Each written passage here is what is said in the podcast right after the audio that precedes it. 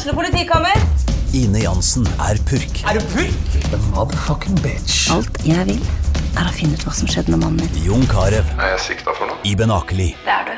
Ole So, Lars Berrum og Big Daddy Karsten. Hvem sin side er du på, egentlig? Anette Hoff, Tone Danielsen, Kommer du fra Afrika?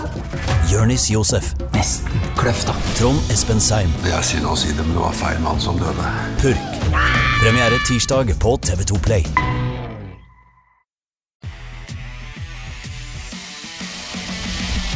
Det blir goal! Det blir goal! Og hele Brannlaget ligger på bakken i glede. Vi satt i sommer og satt sammen en liste over hvem vi ønska å få i pod, eh, Jonas Grønner. Så var liksom Rune Soltvedt en av de første navnene du trakk fem, og derfor er det jo veldig gledelig å kunne ønske velkommen til deg, Rune. Tusen takk for det. Kjekt å være her. Og nå går jeg. Takk for meg. Ja, nei, Det var Jonas Grønner som skulle Eller var det meg? Ja, var det Hvem var det? Var det Rune, eller var det meg? Ja, det her var liksom, Jonas Grønner har bare garantert at dette skal bli gøy, så jeg får henge med på han og garantere at dette skal bli kjekt. Vi skal selvfølgelig snakke litt fotball, vi, men eh, hvordan har du det? Det kan vi først spørre om. I dag har jeg det bra. Du, jeg hadde deg med før her. Da hadde du ikke jobb. Nå har du fått deg jobb. Du er daglig leder i Berett, kan det stemme? Det stemmer. Det er jeg, og det trives jeg kjempegodt. Eh, Så da hjelper vi folk tilbake igjen. De som står ut forbi arbeidslivet, de hjelper vi tilbake igjen til arbeidslivet. Så det er meningsfullt og veldig kjekt. Og så er det et uh, helt annet tempo enn fotballen. Til og med fri i helgene. fri, fri på ettermiddagene. Så det er fantastisk godt. Så er det dere to kjenner hverandre godt uh, fra før av. Uh, du har hatt både Jonas som spiller og uh, som, altså når du var sportssjef og trener, har du hatt Jonas som spiller. Ja, det stemmer. Så da skal vi komme mer inn på, skal ikke vi da? Ja da, vi toucha litt innom det. Vi, var, eh, nå var, vi trakk vi fort gjennom det, så vi tenkte vi skal touche innom i dag. Det blir eh, fotball, og det blir litt familie. Det blir litt Hvem er Rune Soltvedt? Du er jo en Jonas dro i gang latteren her. Den har vi hørt mange ganger. Den kjenner vi godt. Ja, han er jo god å im- imitere, han, så ja. Parodierer han. Eh, Jonas, hvordan kjenner du Rune Soltvedt? Um, For å ta det historien, så er jo Rune mitt første møte med, med Brann. Eh, Og det begynte vel helt tilbake til eh, kretslagstiden, Holland fotballkrets. Og eh, Brann hadde vel ansvar for disse treningene som jeg var en del av tidlig i min spedbegynnelse som Bergen Nord-spiller og skulle opp og frem. Ble godt kjent med Rune på kretslagstiltak. Og så var det vel Rune også som til slutt henvendte seg til Bergen Nord. Og jeg husker fremdeles den morgenen jeg fikk melding av Frank Ståløy, min tidligere trener eh, i Bergen Nord, eh, som sa det at eh, Brann hadde sendt brev på meg. eh, Og da var det vel med signatur Rune Soltvedt, om ikke jeg husker helt feil. Eh, Og derifra og ut så var det Rune som kom til, til Bergen Nord og tok møte med gjengen der ute. Eh, Det var han som tok imot meg som guttelagstrener, og det var han som fulgte meg stort sett gjennom hele karrieren min i Brann. Så meg og Rune vi har hatt veldig mye tid sammen, og en, en mann jeg har satt veldig stor pris på i mitt fotball, eh, fotballiv. Men han la tidlig opp, da. Ja, det gjorde han, og det var veldig synd. Men eh, jeg husker utrolig godt når vi henta Jonas. For vi skulle jo bygge opp eh, Brann sin utviklingsavdeling, eller akademi. Det lå jo helt nede.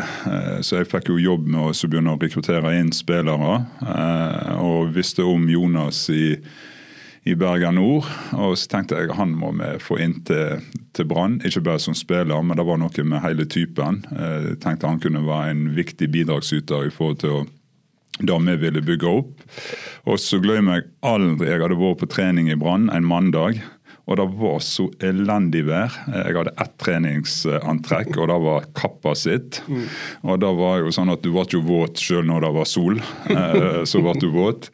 Og satte meg dyvåt i bilen, kjørte til Salhus og tenkte jeg skulle ha et møte med en trener, Jonas og foreldrene hans. Og kom inn i klubbhuset til eh, Bergen Nord, og da var det fullt klubbhus. For alle de skulle ta en del av dette, og de skulle sørge for at det Brann skisserte for Jonas, det var noe som var godt nok eh, for hele klubben. Så det var veldig spesielt, og det har vært eh, spesielt fint. Jonas ble jo en av de desidert viktigste når vi ser tilbake den tida vi hadde med oppbyggingen av eh, akademiet i Brann. Så desidert en av de viktigste kulturbærerne i klubben. Jeg eh, ga han kapteinspinnet tidlig. Og, så det var ikke bare spilleren, men det var vel så mye person eh, vi fikk som har vært forbilledlig på så mange måter. Du tok jo med deg et fint lagbilde Rune, fra det laget du trente. og Det er jo noen gode navn eh, som fortsatt spiller da, fotball i dag. Noen av dem er jo bra i dag. Bård Finne f.eks. ser vi jo her. Så ikke Håkon Lorentzen, Kasper Skånes. Du har da fått fram noen gode spillere opp igjennom? Joakim Soltvedt er da, kanskje. Soltvedten kanskje her, ja. Øystein Røvetveit. Det er et bra lag. Ja, det var en fantastisk gjeng, og det er jo da jeg eh, Ja, det var kanskje det jeg husker eh, bortimot best i for tida mi i Brann. Altså da at en fikk lov til å være med og bygge opp eh, da akademiet og med så fantastiske spillere. og Du fikk være med og legge til rette for de, for at de skulle få lov til å utvikle seg. og For den 94-95-generasjonen så er jo det utrolig mange som har spilt og spiller på toppnivå. Det er faktisk flere som har lagt opp, eh, dessverre. Eh, men det er mange som spiller og spiller i dag og har gode karrierer. Og de òg satte spor etter seg for de som kom etterpå med f.eks. Palle Knutsen og Håkon Lorentzen og Emil Hansson og den gjengen da, så dro òg veldig nytte av da Jonas og de staka ut veien før de til. Så er det jo uh, Bård Finne, som kanskje er den som Arrester meg står feil, men det er vel en spilleren som kanskje har fått mest ut av det som er på det bildet der? Ja, altså han har jo hatt det, og det er jo rett og slett imponerende å se. Det året han hadde i år? Ja, altså det er helt fantastisk. Og nå jobber jo han som en galeis. han jobber jo så hardt. og jeg ja, jeg, eh, altså I utgangspunktet skulle jeg ønske at jeg skulle si at jeg ikke er overraska. For sånn han var når eh, vi eh, begynte med hva tenkt å si, Jonas og jeg.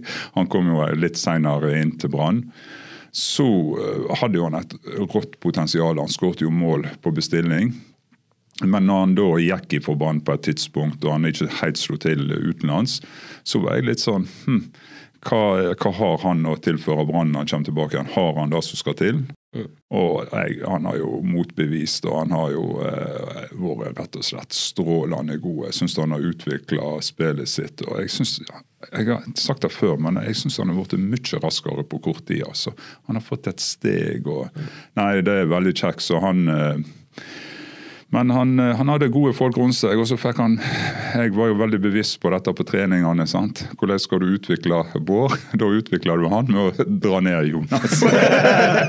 så jeg setter, setter, de to i eh, øvelser sammen, eh, spesielt sånn én mot én, om å gjøre skåremål for mål, Så elsker jeg å sette opp ja. Bård imot Jonas. Ja, jeg, skrev, jeg skrev en tweet i går om at uh, den skuddfinten han kjører på 1-0 i går Jeg har gått noen ganger på akkurat den tilsvarende skuddfinten der han bare legger den rolig rolig i, hjørnet. og Jeg er helt enig med å bare forsterke det Rune sier. At, altså jeg, jeg, kunne aldri sett for meg at Bård Finne skulle være midtspiss for et lag som er i ferd med å bli et av de beste lagene i Norge. At han skulle kunne være i et 4-3-3-system midtspiss. Hadde du sagt det til meg for fem år siden, så hadde jeg ledd høyt. Eh, for, at, for, det første, jeg trodde at han var gått ut på kanten for å bli, spesielt i et 4-3-3-system. Og tenkte vel egentlig at han var best i et 4-4-2, at han hadde en makker på topp, eller 3-5-2, eller hva det måtte være. Men det at han klarer å spille midtspiss på den måten han gjør i dag for Brann, det er ekstremt imponerende. Og jeg har sagt mange ganger at han altså, Jeg vet ikke med målinger og sånn, men 100 enig med Rune. Han er blitt raskere eh, kontra det han var. Han satt på benken i Obos-ligaen i fjor. Da eh, ja, det er mektig imponerende den kampen han eh, hadde, eller de kampene han har levert i, i høst. Eh, han har ikke skåret så mye. Ja, hele sesongen. Men nå skal, nå skal, ja, men nå skal jeg si at altså, de selv om han ikke har skåret gjerne så masse mål som han har gjort i høst, så er han fremdeles så ekstremt viktig. Må ikke glemme at han har en god del målpoeng. Han tar ikke straffespark. Han har fremdeles skåret en hel haug med mål. Så. Altså, hadde det ikke vært for VAR, så hadde vel Bård Finne hatt seks målpoeng mot Bodø-Glimt. Mm. Han har, er det 16 mål han har til nå? 16 mål og 10 måltimer. Nei, ja, det men altså, den måten å komme tilbake igjen når du er i den alderen som han er for at Det er jo en veldig viktig alder når han kom tilbake igjen fra eh, utlandet til Brann. Så kan det slå begge veier, men han har imponert. Eh, men det er jo for den gjengen som vi kjenner, da, som vi hadde, og jeg var trener for Jonas Bete sammen med, så er jo det en annen òg som har bemerka seg synes jeg, på en utrolig positiv Han òg er blitt raskere. Vi må ha trent i feil eller noe med det.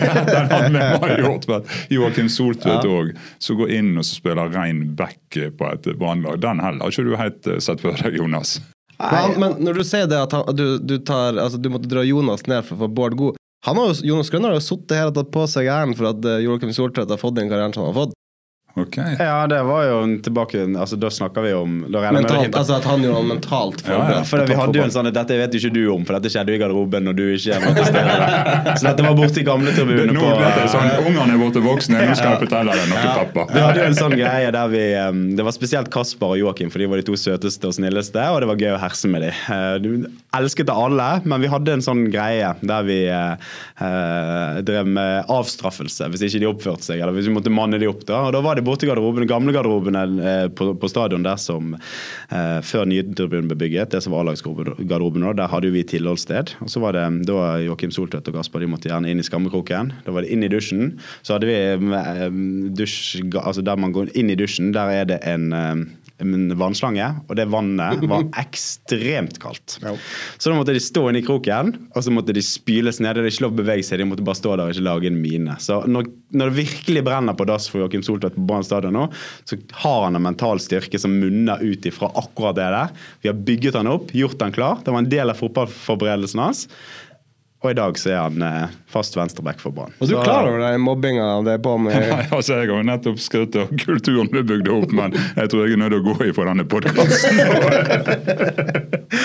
vi hadde ikke gjort det hvis ikke han var en viktig del av laget. Så Joachim, altså, jeg tror både Kasper og uh, Joakim kanskje to av de fineste lagkameratene jeg har hatt. Og det tror jeg absolutt alle som har spilt med de to, vil være enig i. At det er liksom sånne unikum når det kommer til altså, den kjærligheten folk har lyst til å gi til dem. For de er så fantastiske begge to. Ja, de, er, er, de, er helt spesielle. Helt, de er helt spesielle, og begge to de er så fine at du kan sette dem på peishylla. Det er på en måte sånne typer.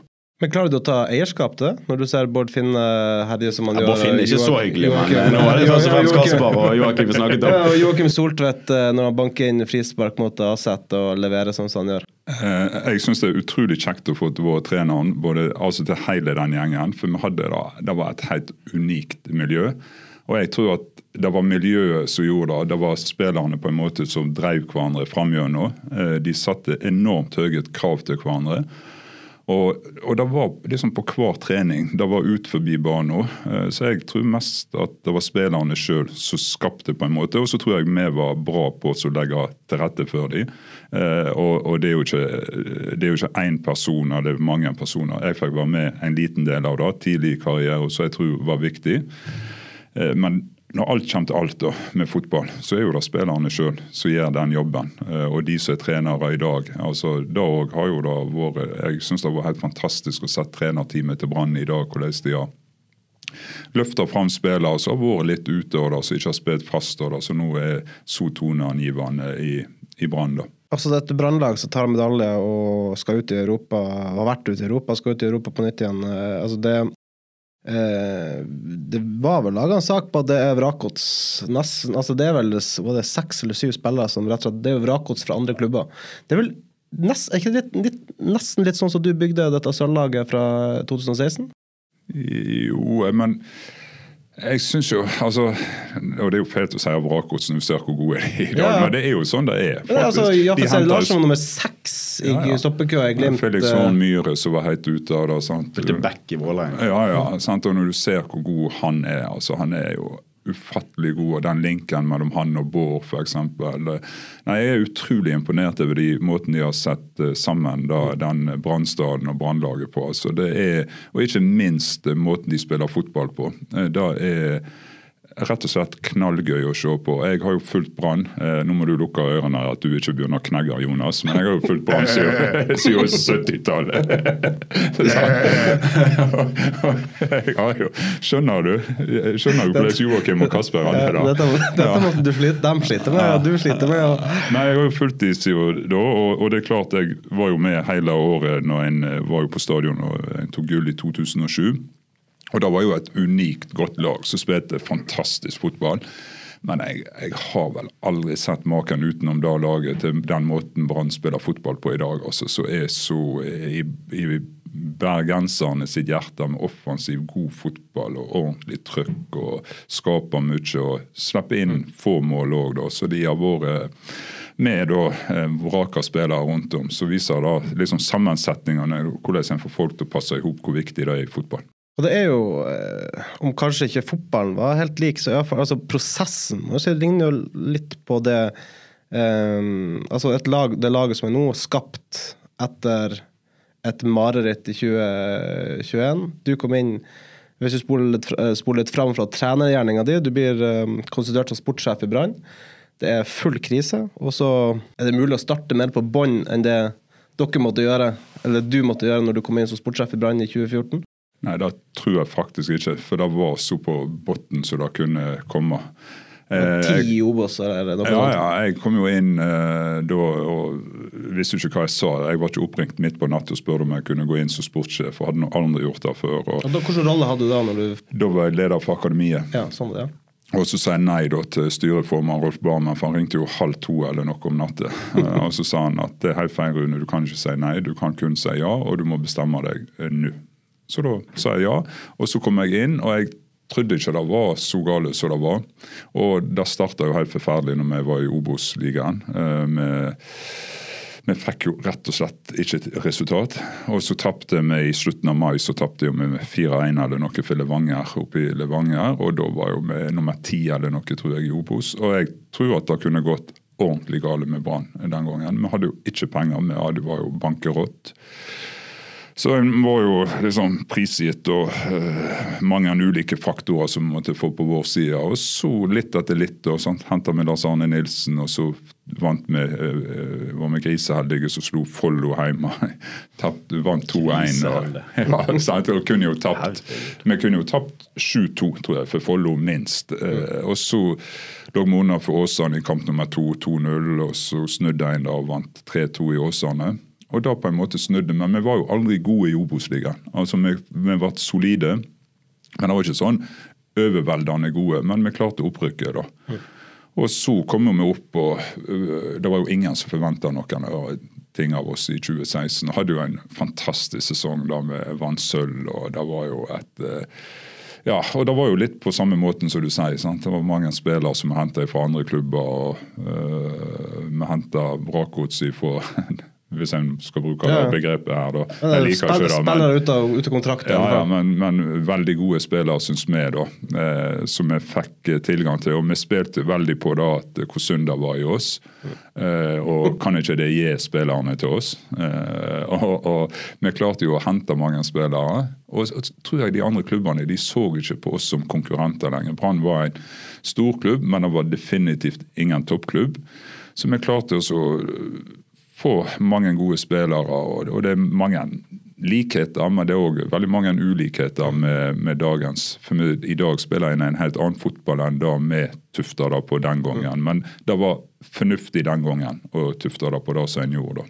Det gikk jo bra veldig lenge. Altså, det var 2016 sølv og så en 2017-sesong, liksom mellomsesong, for man da fikk det her 2018 som kanskje kunne bli enda bedre enn det ble. Jo, jo, men vi vant jo bronse. da, sant? Og det er liksom I Brann så det er ikke så ofte en vinnmedalje i Brann. Så vi tok jo de to medaljene, men så klarte ikke vi å løfte det derifra. Det var jo det som var utfordringen. Og... Er det det du tenker den dag i dag, dere vant bronse? For det er vel sikkert mange bergensere som tenker på at man tapte gullet? Ja, altså, Men hva skal du gjøre, da? Skal du dvele liksom mer av Så du holdt Jonas Grønner. Du Hanset og sett salget av Hansø. Tenkte jeg ikke skulle si jo. Takk for at uh... Jo, ja, sånn kan det gå. Så ler han av det, vet du. Dummeste han har hørt hele dag. Nei, men det er klart at hadde ikke vi solgt han, så hadde vi tatt gull. Så alle hatt fokus på han med Sivert, men det var jo Jonas. Nei, men det er, det er noe dette å ta det videre. Men det er mange likheter. og så uh, er jo da forbilledlig, syns jeg, da Brann har gjort etter alt som skjedde i de var da 2021. Ja. ja. Eh, alt som skjedde da, hvordan en har løfta seg. og Ikke minst det som jeg sa i stad. Men Vi må snakke mer om sommeren 2018, men før det så må vi spole litt tilbake til fremdeles. Altså, jeg vil høre litt mer om 2015. Altså, nå, du sier jo selv at Brann var helt, helt på bunn. Tiendeplass i Obos-ligaen. Du sparker en Rikard Nordling som er han er jo elsket. Er forgudet og elsket. Han har tatt gull i, i, Malmö. Altså, hvordan, Som sportssjef så skal du da, du sparker en trener, og så skal du ta en avgjørelse der du skal bestille en ny trener eller få inn en ny trener som skal eh, for det første få Brann på riktig spor, og så skal du få med deg en klubb der du Du må jo kjenne på en av, et vanvittig press på den avgjørelsen. Hvordan får man selvtillit i en sånn type avgjørelse? Eller bare lukker man øynene og så bare gjør man det? Ja, Det er jo et utrolig godt spørsmål. Jeg, eh, jeg tror du blir veldig oppgavefokusert. Du blir fokusert på oppgave.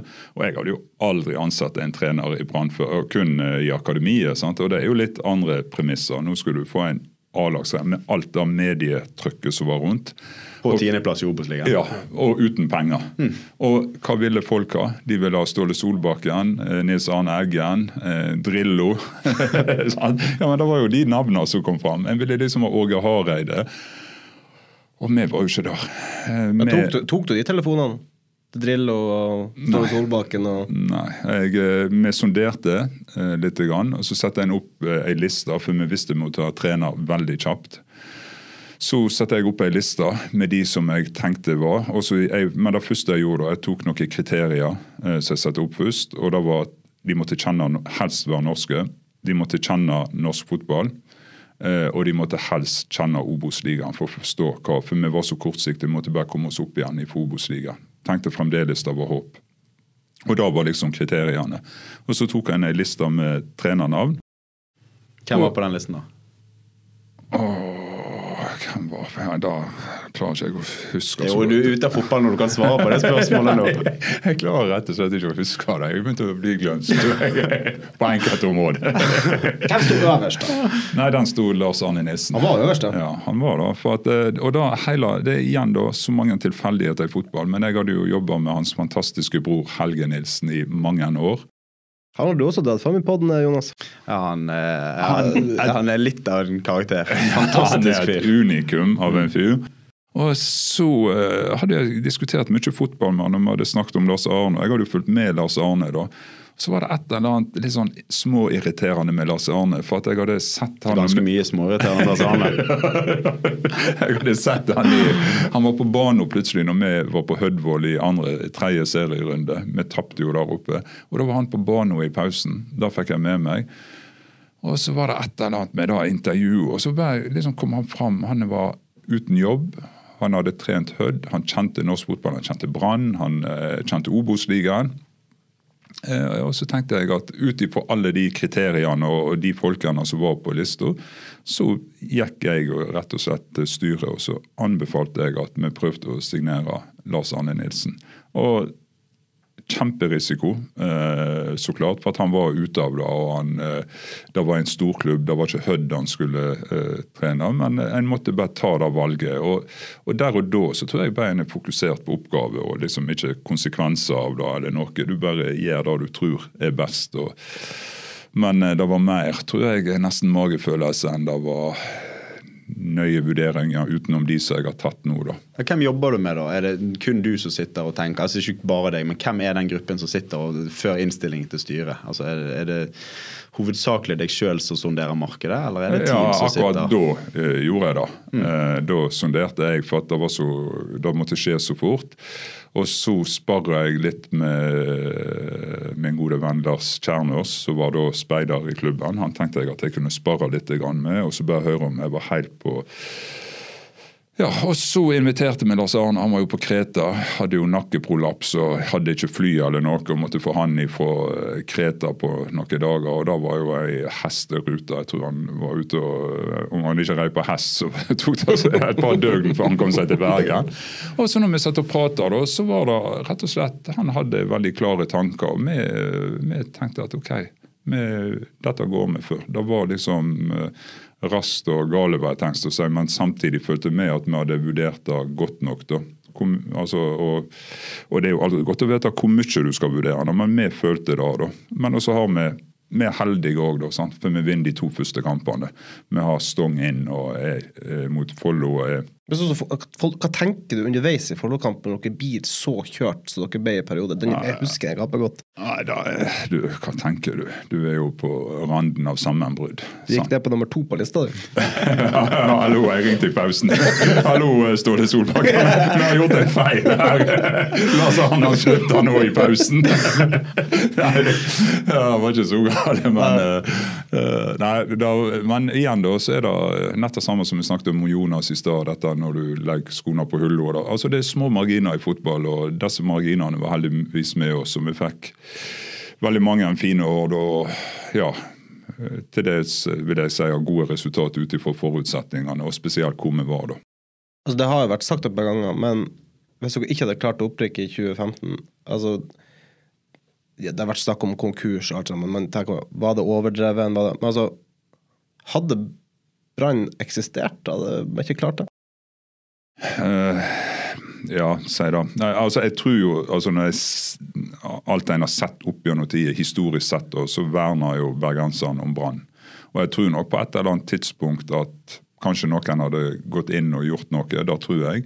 Men det var reell eh, fare, for vi hadde, vi hadde ikke ei krone. Jeg tror ikke vi hadde ei krone på konto. Det var rett og slett eh, bunnskrapt, og det var det var, eh, det var ikke oppgangstider, for å si det sånn. Det, det var å få sponsorer og andre med. Det var ikke enkelt. Så, og, og så er det, det er en konsekvens av dette. Sant? For at Hvis du ikke har god drift, så får ikke du hente spillere. Så vi var jo i rød sone i så mange år. Sant? Så alle overganger, om vi skulle signere en spiller for 12 000 i Åsane, eh, så eh, måtte vi ha godkjenning fra eh, Fotballforbundet på det. Sant? Så alt var så tungrodd. Og du ble stoppa hvis du prøvde å signere spillere så hadde vært for dyre. Så hadde du blitt stoppa, da har du ikke fått det igjennom. Hvem har du blitt stoppet, da? Har du noen eksempler på overganger som har blitt stoppet?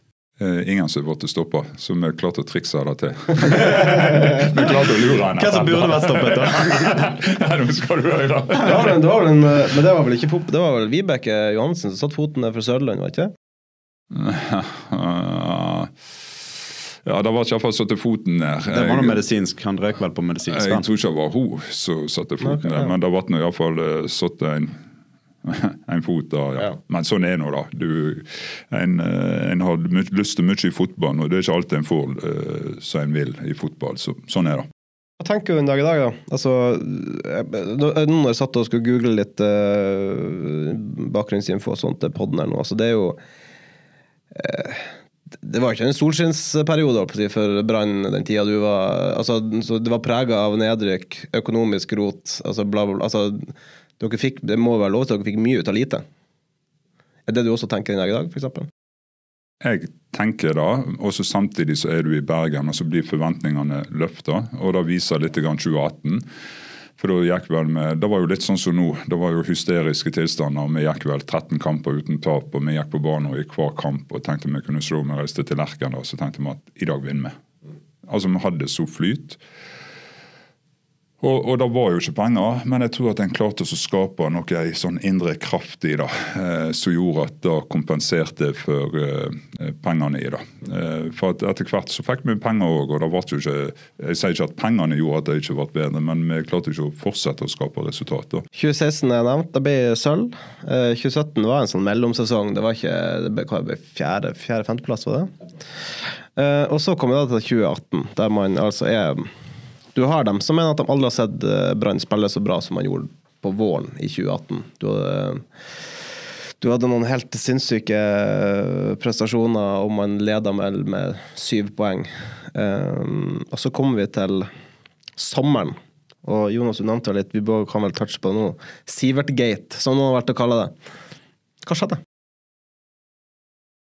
Nei, altså, Det er jo en konsekvens tilbake igjen i, i 2015. da.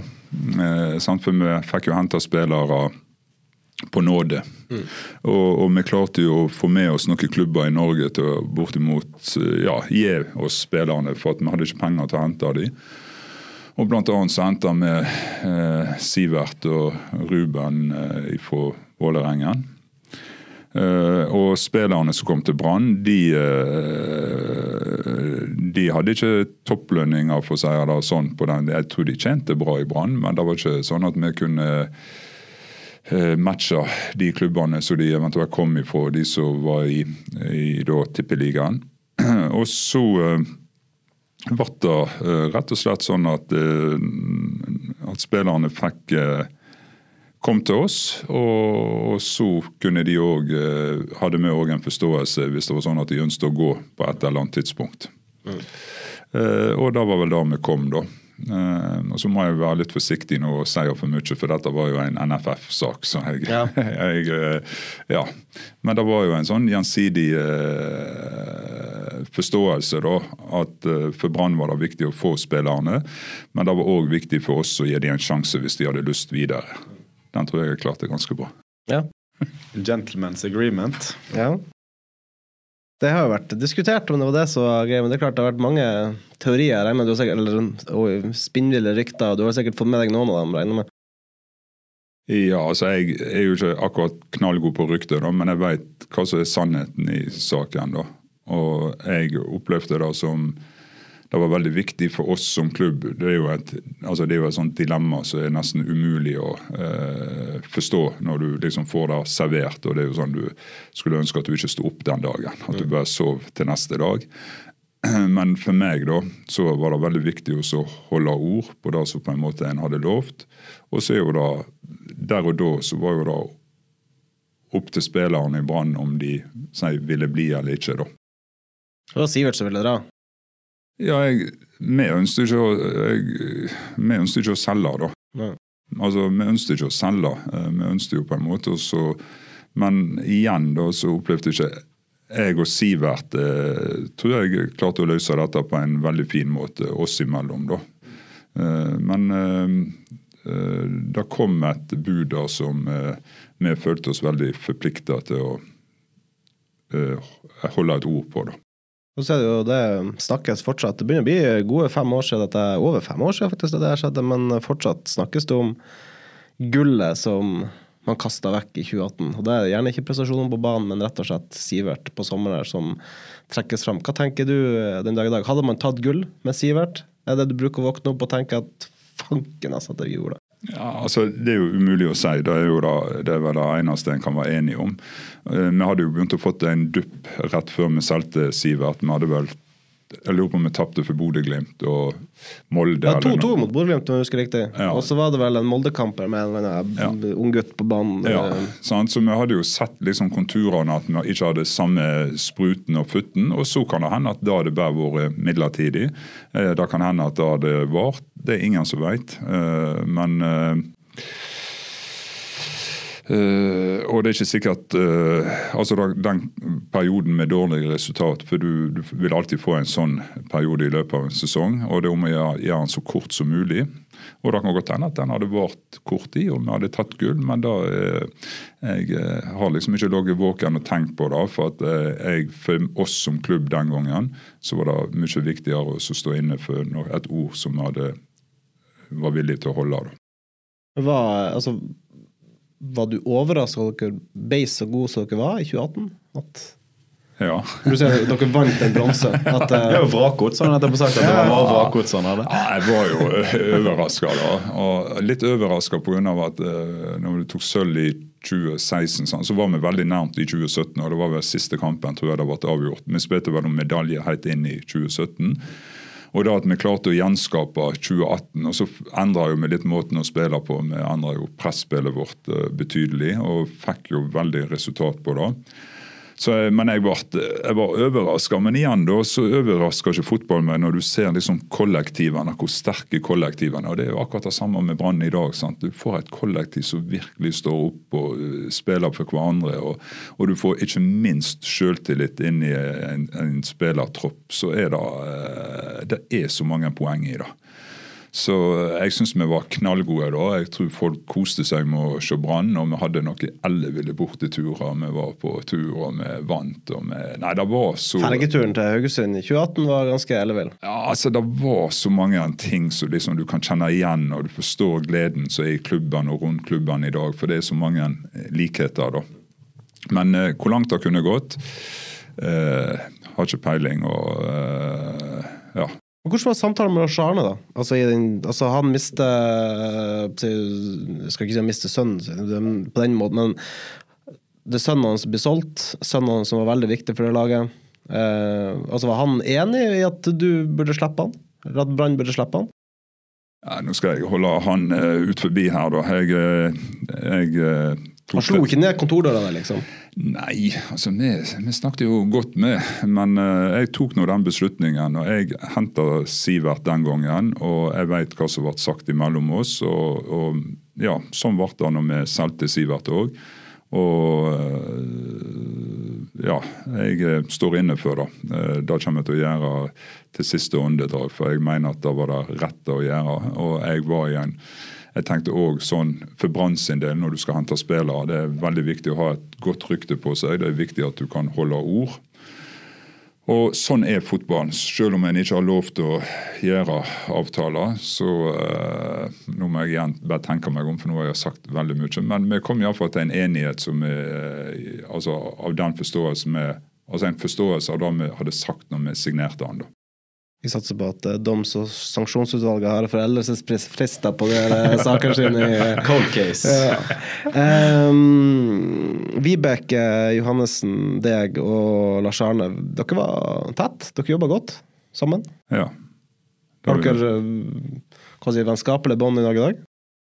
Ja, altså det er, jo, det er jo veldig spesielle ting som skjer. Sant? For at uh, det er jo jeg som innstiller til styret når Lars Arne må gå. Mm. Eh,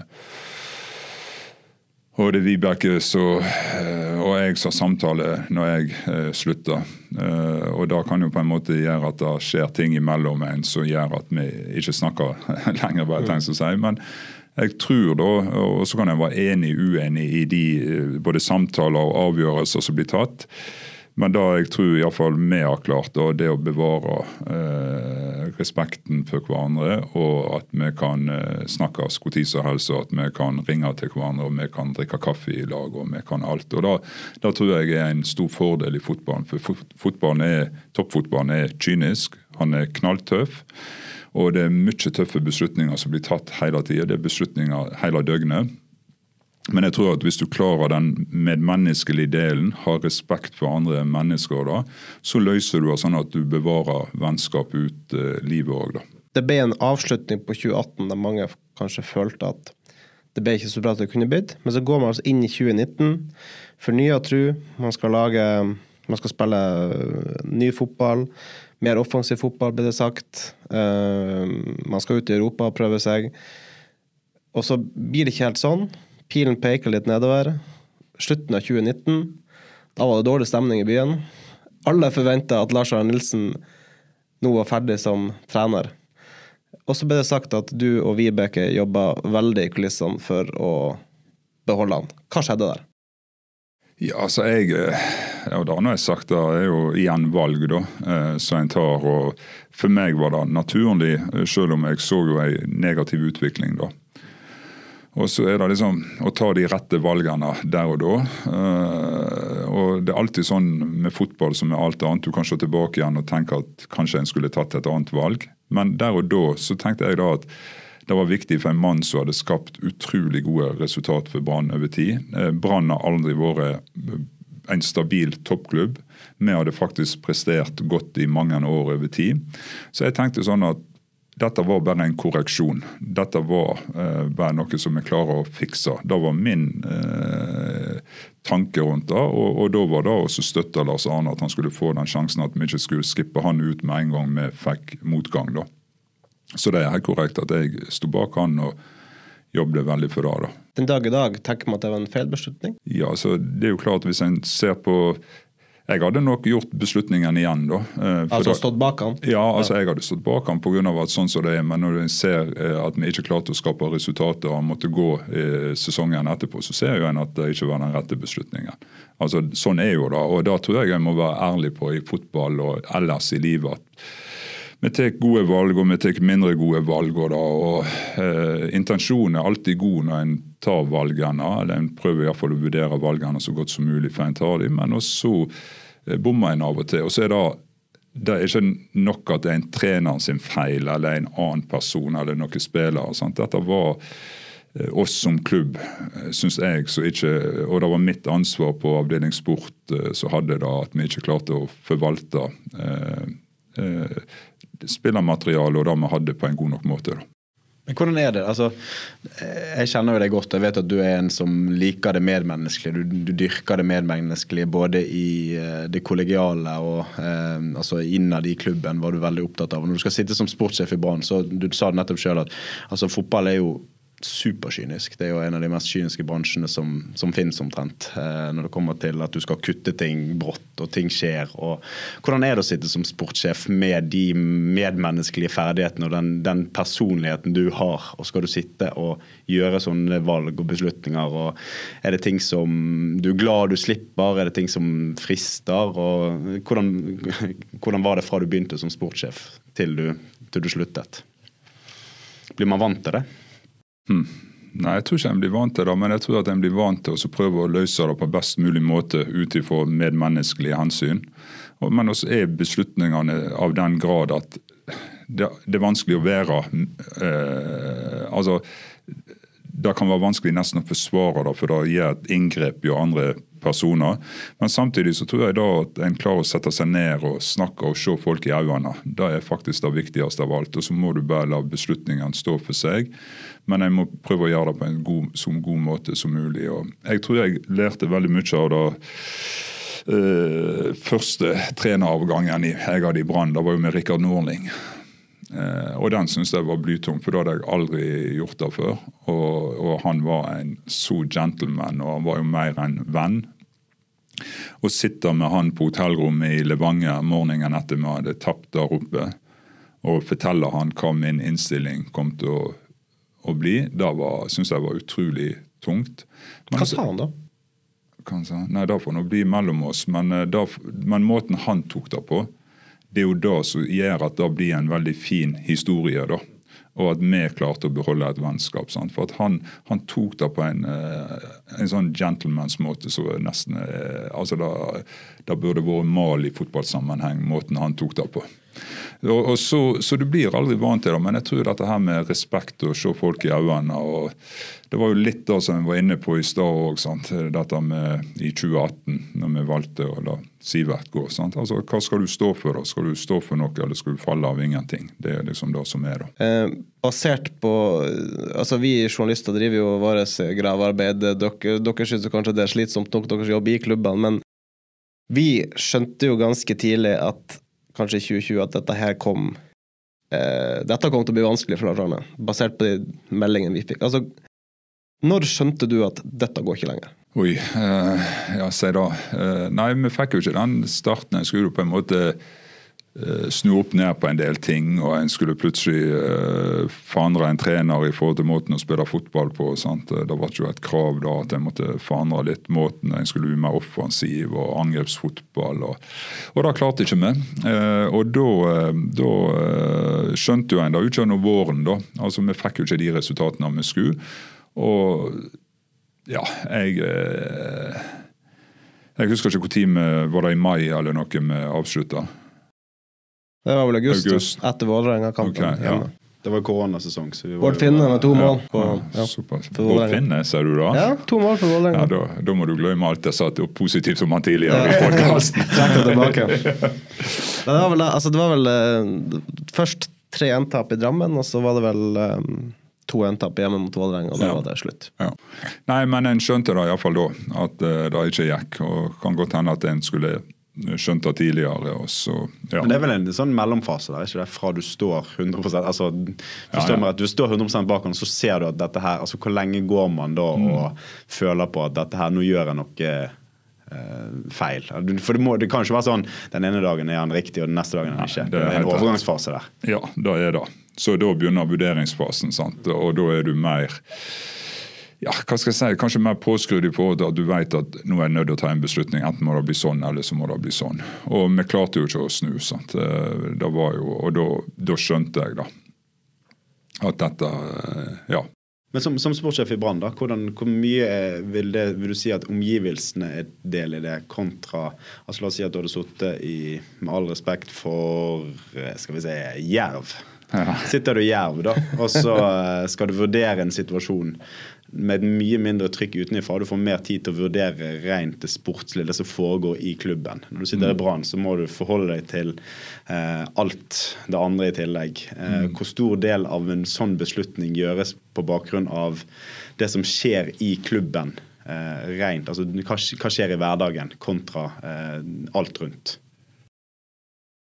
Ja, jeg tror jo det er enormt store forskjeller, da. Og så tror jeg når du eh, eh Allikevel så er det det er noen mekanismer som òg er litt like.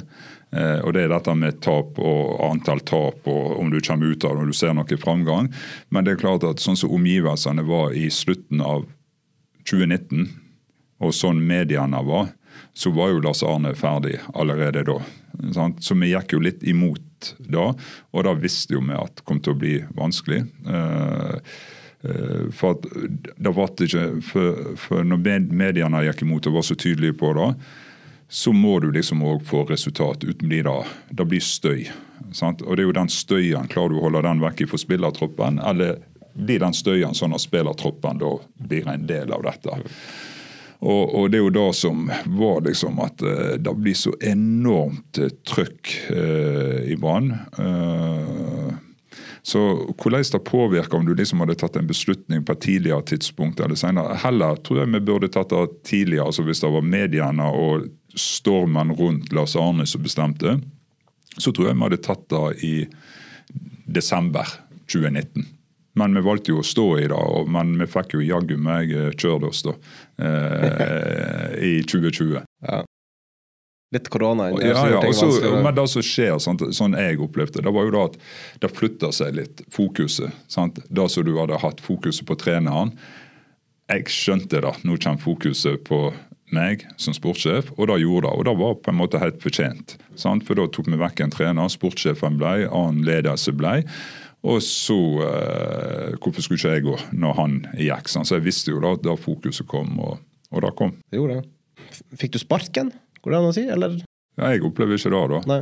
Jeg opplever da at uh, det var mer enn uh, Altså Hvis du går fra 100% tillit til 95 tillit mm. uh, som sportssjef, da, så må du iallfall vurdere om det er godt nok. Og For meg så var ikke det godt nok. Jeg, jeg opplevde da at jeg var ikke helt enig, og det kom som sagt veldig brått. Og så forhandla vi oss fram til en løsning som gjorde at jeg slutta kun etter et par dager etter vi hadde hatt første møte. Og, og, for meg så var det på en måte helt greit. Da var, jeg visste at du er inne i Brann, så er du på en tidsbegrensa periode, mest sannsynlig. Jeg hadde bestemt meg for det at den dagen jeg var ferdig i Brann, så skulle jeg gå med eh, hodet heva ut porten. Og Uh, og det har jeg gjort, føler jeg. Og jeg har, hatt, uh, jeg har et veldig godt forhold til alle i Brann i dag. Og er like glad i klubb, klubben. Og ja, jeg er ikke bitter. Jeg har ikke vært bitter, ikke et sekund. Din, din tid som sportssjef i Brann, mange har jo fått det med seg nå, men det mange ikke visste, det var jo det En ting var det du holdt på med på stadion, men så hadde dere denne situasjonen på hjemmebane med din, din kone, som var veldig syk. Ja. Hvordan var det å sjonglere det? Uh, eh, ja, hva skal jeg si. Veldig vanskelig på mange måter, men samtidig òg litt tilbake igjen til det som vi snakket om i stad. Dette med press og hvordan du blir påvirka av ulike ting. Så tror jeg òg at eh, dessverre da, at hennes alvorlige sykdom gjorde at jeg, jeg var ikke så lett angripelig for ja, det presset som var i Brann og det trykket som var. Eh, men det var veldig veldig vanskelig, så jeg husker at uh, hos Sandra fikk jo uh, påvist kreft rett etter vi hadde tatt sølv i 2016. Og da husker jeg jeg kom hjem. Jeg visste ikke hva jeg skulle gjøre. Men jeg tenkte jeg må jo være med henne. Og så kom jeg hjem til henne og så sa jeg da, vet du hva, Sandra, jeg slutter i Brann. Hæ? Så jeg slutter i Brann, jeg skal være hjemme med deg. Og Så ser hun på meg og så sier hun, er du helt idiot, skal du gå hjem og trakke meg på beina? så, så da ble på en måte tidlig avklart at jeg, jeg, skulle fortsette å jobbe. og Hun hadde jo kreft i, i, veldig mange år. og jeg opplevde at vi klarte å løse det på en veldig fin måte. Hun var ekstremt glad for at hun visste at jeg hadde en jobb som jeg hadde det helt unikt i. Og jeg følte at jeg klarte å kombinere, selv i en veldig travel jobb, så følte jeg at jeg klarte å være veldig god eh, med hun og familien eh, utenom. da. Eh, og det var viktig, da. Så jeg var liksom med og Og så er jo jeg Når det er sagt, når jeg slutta i Brann 23.2, så er jo det klart at da ligger jo veldig langt framme i panna mi at jeg får en mulighet til å være med henne. Eh, for det kan hende at jeg hadde kjempa på en annen måte hvis ikke, men eh, jeg visste da at hennes sykdom var forverra. Eh, og jeg klarte å få en avtale med Brann som gjorde at jeg kunne være hjemme med henne. Og det var sett i ettertid, nå når hun dør, så har det vært noe av det fineste. At jeg fikk så lang tid med henne hjemme og være med henne. Det var ja, rett og slett bare godt. Og det skal jo sies at altså, Jeg var jo i Brann på dette tidspunktet her i 2016. Eh, og jeg husker vi fikk beskjed om at eh, Sandra hadde fått, uh, fått kreft. og Jeg husker ikke, jeg husker ikke tidslinjen på det, om vi fikk lenge, altså om det var lenge etterpå. eller men jeg husker at, jeg, at, vi fikk beskjed om det, og så fortsatte Rune å gå på jobb og være Rune på akkurat den samme måten som vi var vant med. Han har jo en unik altså en unik angriper dagene på en unik måte, da, med måten han er på. Og, um, så gikk jo det mange år før jeg helt fikk med meg hvor gale det faktisk sto til, og hva som var i ferd med å skje. Så det, du har jo levd et dobbeltliv her, der ja, vi fikk vite om det, men samtidig så står du i det, og vi i spillergruppen lever så Du var tett på oss, du var i garderoben stort sett hver dag, og fremdeles så er du Du var Rune hele veien, da. Så um, all respekt for måten ting ble håndtert på, og helt enig med Jonas at det, det å stå der altså jeg, Uten sammenligning for øvrig, så har jo altså når du har barn og du har familier, ting blir viktigere enn fotball. Det å skulle da um, du blir satt i en, en, posisjon der du av og til må velge ta, altså skal du være hjemme eller skal jeg mm. prioritere, hva skal du prioritere. Og Det å stå i det som sportssjef i Brann, det er jo ikke noen alternativ som sportssjef i Brann. Altså, Da kreves det så ekstremt mye av deg at da er du sportssjef i Brann. Mm. Samtidig som altså den belastningen som har vært der, den kan jeg ikke forestille meg hvordan det har vært å stått i. Uh, så. Med en av de største uriaspostene i Norge som jobber, vel uh, ja. De krever litt karakter? Ja, jeg, eh, det er fint å høre det fra Jonas, for han var jo som sagt tett på. Nei, altså, du, eh, nei det er rart hva en liksom klarer å, å løse. og Så var jo det òg at en hadde en Det var jo veldig gøy. Sant? Du sier Urias på ja, men hvor mange som får lov til å oppleve å være sportssjef i verdens beste fotballklubb? da? Sant? Jeg fikk oppleve det, fikk, og det var aldri en drøm. Jeg trodde aldri jeg skulle jobbe i Brann en gang. Så det var aldri en drøm, men jeg fikk først liksom være der, og så gøy det var. Ja, da, da, må du prøve, Jonas. jeg har i hvert fall lyst til mye bedre enn det. Så det er ingen tvil Så dagen da våkna så, så, altså, Nå skal det brukes masse penger på bedre treningsfasiliteter på stedet. Det var um, noe dere ønsker å fortelle om du også var der?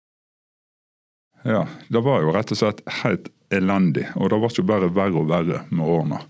Så det var, det var så langt unna uh, eliteseriestandard på de treningsforholdene at det går nesten ikke an til å forstå det. Uh, og det var jo litt sånn uh, Det var ei hånd på ryggen?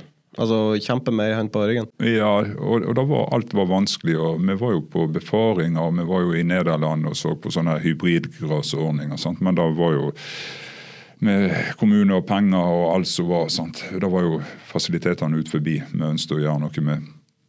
Så, så det var rett og slett eh, ikke bra.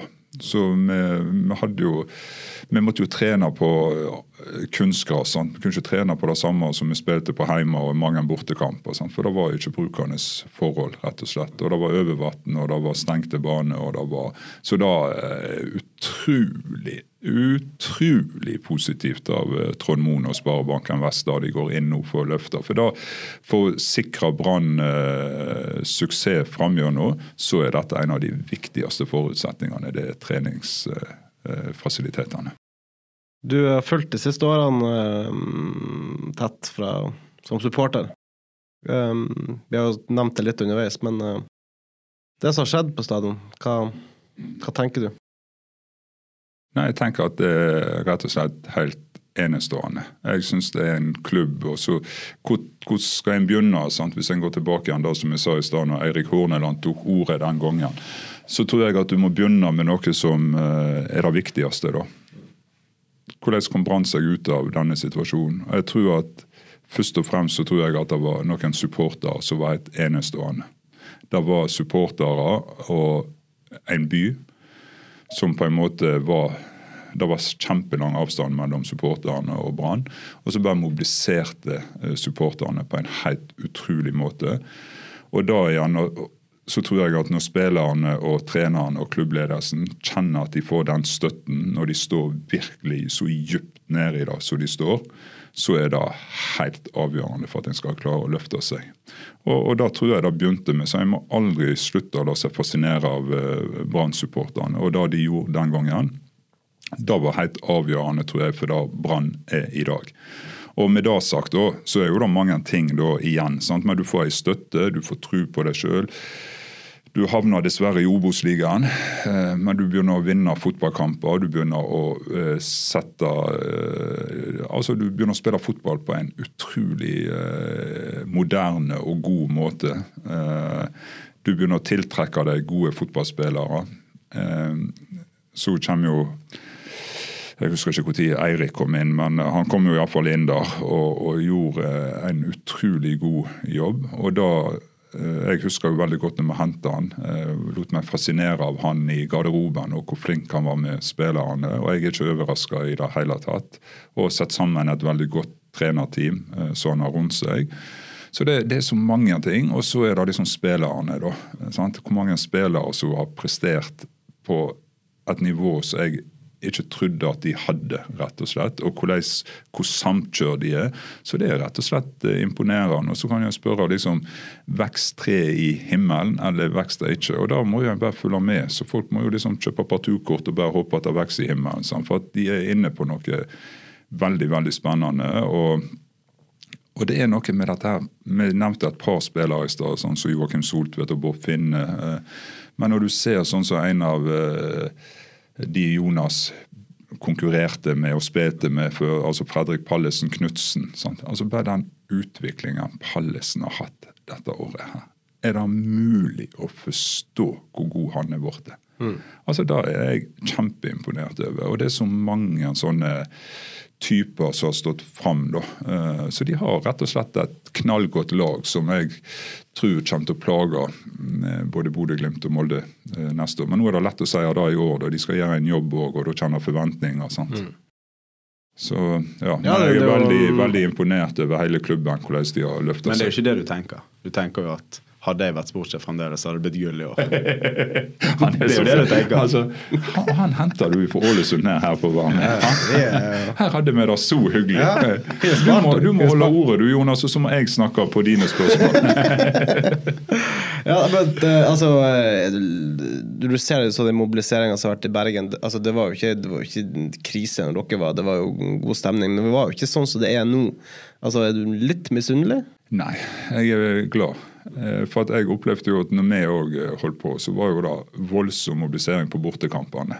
Eh, jeg husker jo alle de vi var i Kristiansand, og vi var på Lerkendal, og vi var på i Haugesund og Sogndal, og det var så mye borte. Så det var jo begynt allerede da. Og en vet jo at dette ligger liksom Men det er da jeg må tilbake igjen til det som skjedde når en var liksom nede i det. Så mobiliserte supporterne noe helt vanvittig i forhold til å gi laget den støtten og da har de gjort det gangs. Og nå er jo det blitt en sånn greie at du må være med Brann på bortekamp. Jeg skjønner ikke at de og de bruker jo så mye penger, og jeg tror de tar seg noe øl iblant òg. Altså. Ja. De, det er sikkert ikke alltid lett å komme på jobb på mandag. Nei, det tror jeg litt, litt øl av og til. Ja, nei, så jeg, jeg, er bare glad. Jeg syns det er utrolig kjekt å, å se at Brann har den medvinden. Eh, kan en tenke de personene som var med da, siden eh, da tunga året i 2021, hvordan fotball svinger. Og nå har de virkelig fortjent og det er jo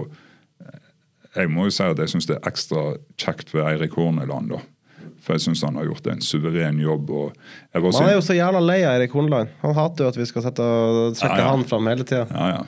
Ja, ja, men han Per Eirik Horneland, og han har gjort en utrolig god jobb. Så, men så jeg, tror- jeg tror nå, det du sier der er noe av nøkkelen. Altså, du sier at du er glad, men samtidig så er du i hvert fall Nå snakker jeg for meg sjøl, jeg tipper du kjenner deg igjen at det er jo en altså Når jeg ser Bård skåre på cupfinalen og stå foran den røde veggen som er på Ullevål, så er jo det, er jo det er jo noen prosent, ganske mange, som skulle gjerne ha vært der sjøl. Og nå er man i ferd med å etablere en sånn kraft i at alle ressurspersoner i og rundt Bergen, og egentlig Norge, etter hvert utlandet også, ser hva Brann er, hva Brann kan være. Og det blir så attraktivt at nå kan ledelsen der oppe sitte og velge ut hvilke ressurser man skal eh, Illustrert med spillere som hentes inn, eh, trenerressurser som er tilgjengelig. Eh, damelaget gjør det som de gjør det. Altså Det er så mange som tiltrekkes mot Brann nå, kontra du som sto der med dra og måtte liksom taue inn alt mulig i perioder. Så selvfølgelig, Du, du har vært heldig du òg som sportssjef i Brann fordi at Brann vil alltid være Brann, og det vil alltid ha en spesiell plass. Men det er sånn som det er nå, så er det alt som bare suges mot Brann. Og man ønsker så sterkt å være en del av det. Altså I Bergen og i næringslivet i dag. Det å identifisere seg med i Brann i dag er noe helt spesielt kontra det det har vært på, på veldig mange år. Og Det er den, det er den boosten som man nå kan eh, nyt, nytte godt av. Litt lettere å ringe sponsorer nå og spørre hei, vil du støtte Brann enn det var i 2015, kanskje?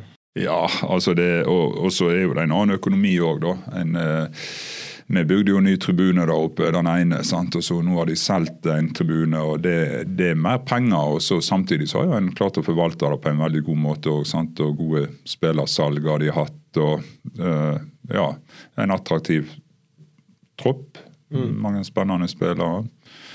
Så nei, det er i bølger, vet du. Så du, når stopper det? sant? En håper jo at det skal vare for alltid. Hva ehm, Det ble jo en liten si, opprensking her etter man rykka ned. Det ble bytta ut noen styreledere, og det ble bytta ut en daglig leder, og det ble bytta ut Ja, du ble vel bytta ut uh, litt tidligere, men uh, altså at man fikk renska litt opp i Altså, du som har vært på innsida, du vet ja. altså, du, altså, du, som har, du som har vært på innsida, du, eh, altså, du vet hvordan kulturen har vært. Altså, å få, å få bytta litt ledere og sånt, hvor viktig har det vært for, for pressen? Ikke bare rundt det sportslige, men også rundt Jo, Det jeg tror det, økonomiske det Altså, av og til så går det veldig bra når du bytter, av og til går det mindre bra. Eh, nå har jo det gått eh, veldig fint. og jeg tror at Sånn er fotballen òg. Det er liksom dette her med å ha kontinuitet. Det blir sett på som en har blitt sett lenge som en suksessformel. Og så tror jeg òg at det er viktig at en får skifta litt. Og så tror jeg liksom Hvor mye skal en skifte om gangen nå, da? sant? Men nå er jo det mye nytt, og de er jo veldig flinke, de som er der. og Så definitivt har det vært bra for klubben at en har gjort eh, endringer. da. Går du på stadion? Ja, jeg gjør, men jeg, det var et veldig spesielt år for meg. Eh, så jeg har liksom måttet bare tatt litt sånn steg for steg. Eh, men eh, jeg må bare si at når jeg har vært da Forrige kamp mot Odd så var jeg invitert av Brann, så da syntes jeg var veldig stas. Eh, så da satt jeg oppe med Fiffen. Fiffen. Og satt så godt i Passer den klokken din fint inn, så og da, Gjemme klokka! og, og da syntes jeg var så stas. Og da kjente jeg virkelig uh, den eh, eh, Rett og slett supporteren i meg. Jeg kjente at jeg ble litt sånn irritert, og jeg ble veldig glad. Og jeg jubla og hadde det veldig, veldig fint. da. Ja, altså Jeg gikk jo på stadion ifra ja, Far min tok jo meg med. Det var jo noe av det viktigste fedrene gjorde. Det var vel det viktigste fedrene gjorde, det var å ta med ungene eller sønnene på Brann stadion. Ja. Og det tror jeg jeg begynte med i jeg tror jeg var sju år eller noe i 1976, eller det var første gangen. Ja. Og siden var en der. Og, og da var det der borte, ja. Ja. På det feltet. Og det var, det var det mest fantastiske du kunne gjøre. Det var så stas. Men tok du med han, da, på K-feltet? Nei, jeg har iallfall tatt han med. Nei, vi satt ikke på K-feltet, tror jeg. Men da, da klarer ikke jeg å huske hvor vi satt. Men jeg hadde med alle tre sønnene på kampene i 2007. Ja. Da hadde jeg alle med meg. Jeg har tre sønner da. Ja. Så da måtte de yngste, men han ville i utgangspunktet ikke, han var litt liten, men han måtte være med, for dette var viktig at de, de Det skulle var, huske. var det han eh, Det er Chris? Yngst? Yngst, eh, ja, i oppførsel, men Theodor så var det yngste. Og så Stefan imellom og Chris Robin. Ja. Ja. Så sånn var det. Så jeg fikk det inn tidlig, du. Ja. Og godt det det. Vi, ja, det har vært et fantastisk år, det må være. men eh, det skjedde jo en ting i sommer, da. Som holdt på å ødelegge hele den gode stemninga. Eh, hva tenkte Rune Soltvedt når eh, dette her Sivert Helte Nilsen-greiene begynte å blusse opp igjen? Nei, Jeg tenkte iallfall da at uh, når jeg ble spurt om å være med i en podkast om dette, så sa jeg iallfall klokelig nei. da tenkte jeg at jeg klarte. det. Nei, jeg, jeg uh, tenkte vel da at det ble en kinkig sak. Uh, for det er alltid kinkige saker når sånt oppstår. Så tenker jeg òg at det er en del av fotballen. Det er mange aktører inne, det er mange som er inne og påvirker at sånne ting skjer. Eh, og så er jeg mer imponert over at en klarte å komme tilbake igjen. For Brann fikk jo en dårlig periode akkurat da. Og så er jeg mest imponert over at de klarte å ta seg inn igjen og komme på fote igjen. For da var det en veldig klok manager, den beste som har vært, Alex Førgussen. Han sa da at uh, skal du vinne titler, uh, så kan du kun ha én dårlig periode. Du kan ikke ha to. Og den dårlige perioden i sesongen må være så kort som mulig. Mm. Og Da var jo Brann sin at de klarte å gjøre den så kort. Og det er rett og slett veldig sånn irriterende eh, at de andre lagene ikke har klart å ta litt mer poeng for Bodø-Glimt. For det, så, altså I utgangspunktet skulle Brann tatt gull i år, med, var helt i gullkampen iallfall, med så mange poeng. Så det er litt sånn, og Da syns jeg det var en utrolig mental styrke av Brann å komme tilbake igjen når de fikk knekken eh, i sommer. da. Altså, men det er jo igjen, da hvordan, Hva gjør en hvis en får motgang nå, da? Sant? For at en må jo være forberedt på motgang. Jeg vet jo at trenerteamet og, de er forberedt. For du er jo nødt til å sjåføre deg at da kanskje. Hva gjør en? Sant? Eh, og det er det som er når en er på den bølga som en er nå, så tror jeg at alt blir rosenrødt resten av uh, fotballivet. Men sånn blir det ikke. Sant? Så det er jo liksom hvordan klarer du det hvis det kommer motgang, hvis det kommer situasjoner sånn så at uh, nøkkelspillere vil vekk. Hvordan håndterer en da? sant? og, så det blir veldig spennende å se. Men jeg, er, jeg syns iallfall jeg har lagt et veldig godt fundament, og det er en veldig samla klubb. Og de eh, Mest av alt syns jeg de spiller ufattelig artig fotball. da. Og dette du ønsker at dere skulle fortelle? ja, det er jo sånn en ønsker alltid. Og så er en veldig resultatorientert. sant? En vil jo ha resultat, og så er det ulike forutsetninger til ulike tider. Og så er det fotballen sin utvikling òg, heldigvis, da, vil jeg si. At fotballen har utvikla seg kolossalt. Og en ser i dag så ser jo en enda åpnere fotball i Champions League og de virkelig store turneringene. Så det har jo dette er jo ikke noe som har skjedd i Norge. Norge er jo blitt en del av noe som har skjedd internasjonalt. Men heldigvis har jeg kommet til Norge òg, da. Men sånn som når man går i 2018-sesongen og ikke klarer å fylle stadion engang øh, fordi at folk har dette feste inntrykket at Lars Arne Nilsen spiller kjedelig fotball.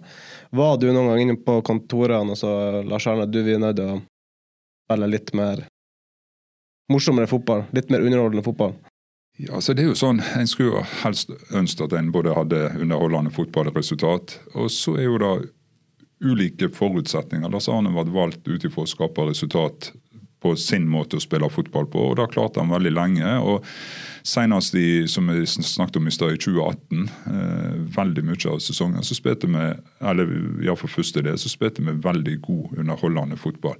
Så da var det sånn, Vi gjorde det òg, men det festa seg et inntrykk òg at det var litt sånn defensivt, og at vi skulle sikre poeng. og Hadde ikke vi hatt det, så hadde vi heller ikke rykt opp i 2015. Vi hadde ikke tatt sølv i 2016 hvis vi ikke hadde hatt det òg som et mantra. da. Du sitter bare og hører på det, Jonas. Ja, men han har jo så behagelig ryd, sånn dyp røst. Så jeg bare sitter der og nyter. Det er så deilig. Og av og til, hvis, hvis, hvis, noen av og til sliter med å sove på natten, så kan de bare ringe Rune Soltvedt, så skal han snakke. Leser han en sånn bedtime story, og da sovner du på på tre sekunder. Ikke de sengehistoriene jeg hadde fortalt. da hadde de våkna istedenfor. ja, vi har jo holdt på lenge, så jeg kan godt kan vi sette på fotballpreik i dag, for så sovner du ikke. da. Vi noe, jeg syns det er interessant nok, er det ikke det? Ja, Så interessant det kan bli med Rune Soltvedt på besøk. ja. Det ble ikke mer, verken mer eller mindre, så sånn er det. Ja, Da må vi begynne på nytt. Nei, det var veldig bra. Jeg får ta hele på nytt igjen, ja. Men skal du, skal du tilbake i fotballen? Ja, nå ringte Bergen Nord forrige ja, de sjekket referansen rett etterpå med meg, og da sa jeg 'styr unna'. Ja, for de kom aldri tilbake igjen. Du vet, De er nyrike nå etter at de har fått litt penger nå fra Wolfe. Så nå skal Ja, ja. De rykket opp òg, så nå skal Ja. de opp og frem. Nei, jeg eh, tenker ikke fotball, altså. Jeg har fått en veldig fin hverdag. Jeg eh, jobber til klokka tre på fredagene, har fri hver helg og ingen telefoner og stille og rolig. Og, nei da, det er nå et ansvar da òg i den jobben jeg har, men jeg, jeg har ikke liksom Jeg tror jeg fikk da ultimata med å være i Brann. Jeg var jo i Brann i nesten 17 år. Så fikk jeg være med på, både som trener i, i akademiet og leder i akademi og sportssjef. Så jeg fikk oppleve så utrolig mye. og da det er krevende, eh, for skal du skape resultat, så er det veldig krevende.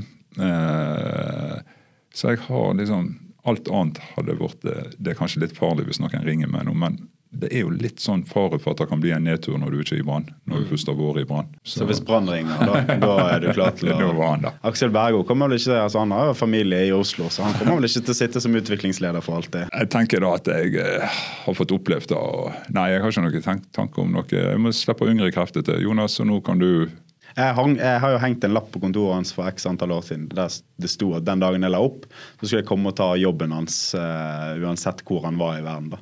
Så jeg var jo heldig at han var arbeidsledig akkurat når jeg la opp. Så, så, jeg, Den lappen har jeg. Ja, Jeg du har, har tatt, den, ja. jeg har tatt vare på den. Ja, ja. så du bør bare passe deg i berett. Plutselig kommer det en på jobbintervju der. og Ja, ja, men kan hende at vi har bruk for en sånn som deg.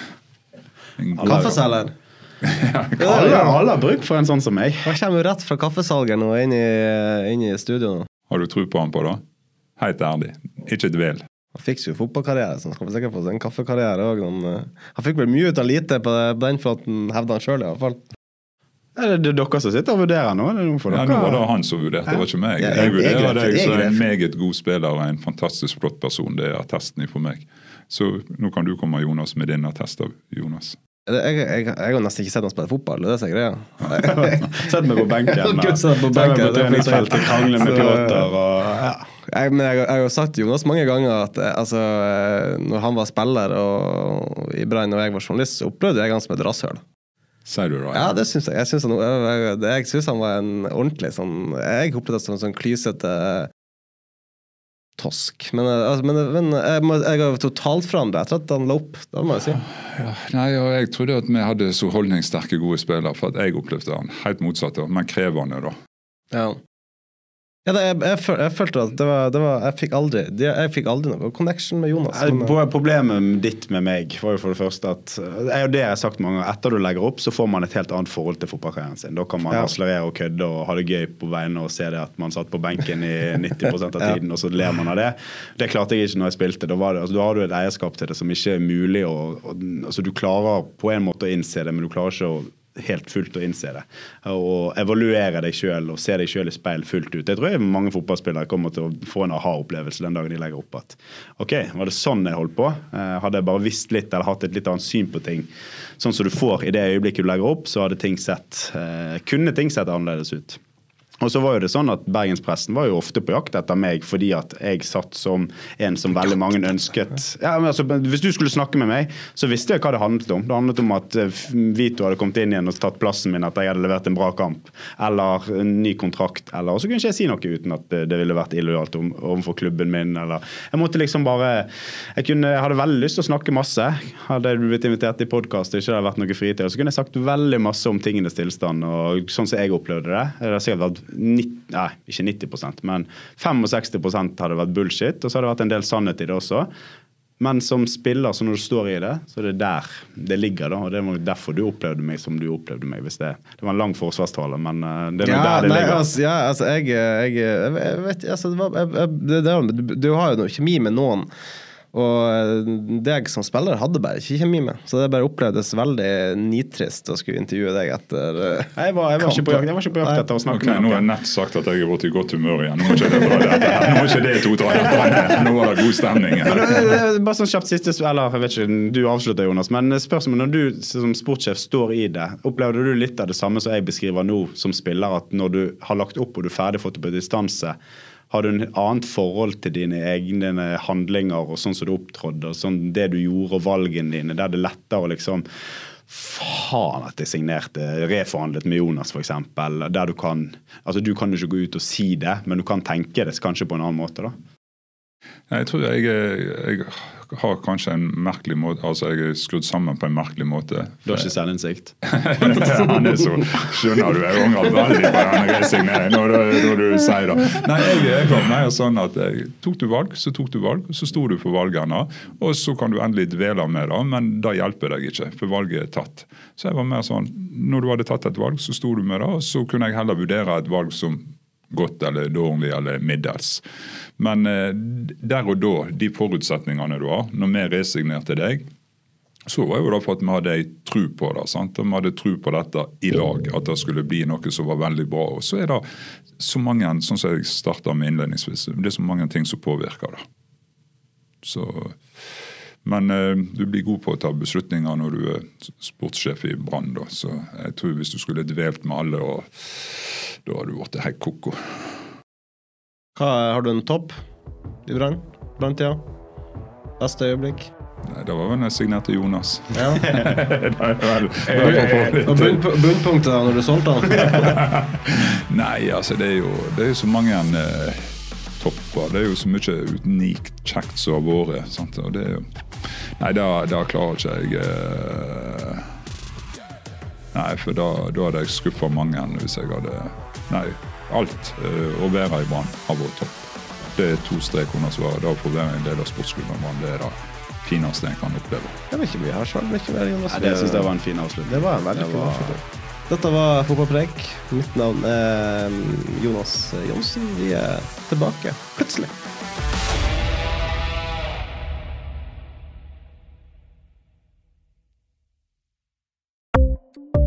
Ukens annonsør er HelloFresh. HelloFresh er verdens ledende matkasseleverandør og kan være redningen i en travel hverdag. Mange av oss har nok vandret i butikken både sultne og uten en plan for middagen, som ender med at vi går for de samme kjedelige rettene gang på gang. Middag burde være dagens høydepunkt. Som HelloFresh kan du nå velge mellom 25 ulike retter hver eneste uke, eller få HelloFresh til å sette sammen menyen for deg. Dette gir deg muligheten til å prøve nye og spennende retter alene eller sammen med familien. Du velger antall porsjoner og får alt levert på døren på et tidspunkt som passer for deg. Oppskriftene er enkle, og maten er lett å lage både for store og for små. Ved å få alt levert hjem får du også mer tid til å dele matgleden med familie og venner. Kanskje det frister med asiatiske tacos eller greskinspirert kylling? Da kan jeg anbefale deg om å gå inn på hellofresh.no. Her kan du bruke koden FOTBALL og få opptil 1779 kroner i rabatt på de første fem matkastene hvis du ikke har prøvd Hello Fresh tidligere. Du kan også bruke rabatten hvis du har vært kunde og stoppet abonnementet ditt for tolv måneder siden eller lengre. Gå inn på hellofresh.no og bruk koden FOTBALL. Har du et enkeltpersonforetak eller en liten bedrift? Da er du sikkert lei av å høre meg snakke om hvor enkelt det er med kvitteringer og bilag i fiken, så vi eh, gir oss her, vi. Fordi vi liker enkelt. Fiken superenkelt regnskap.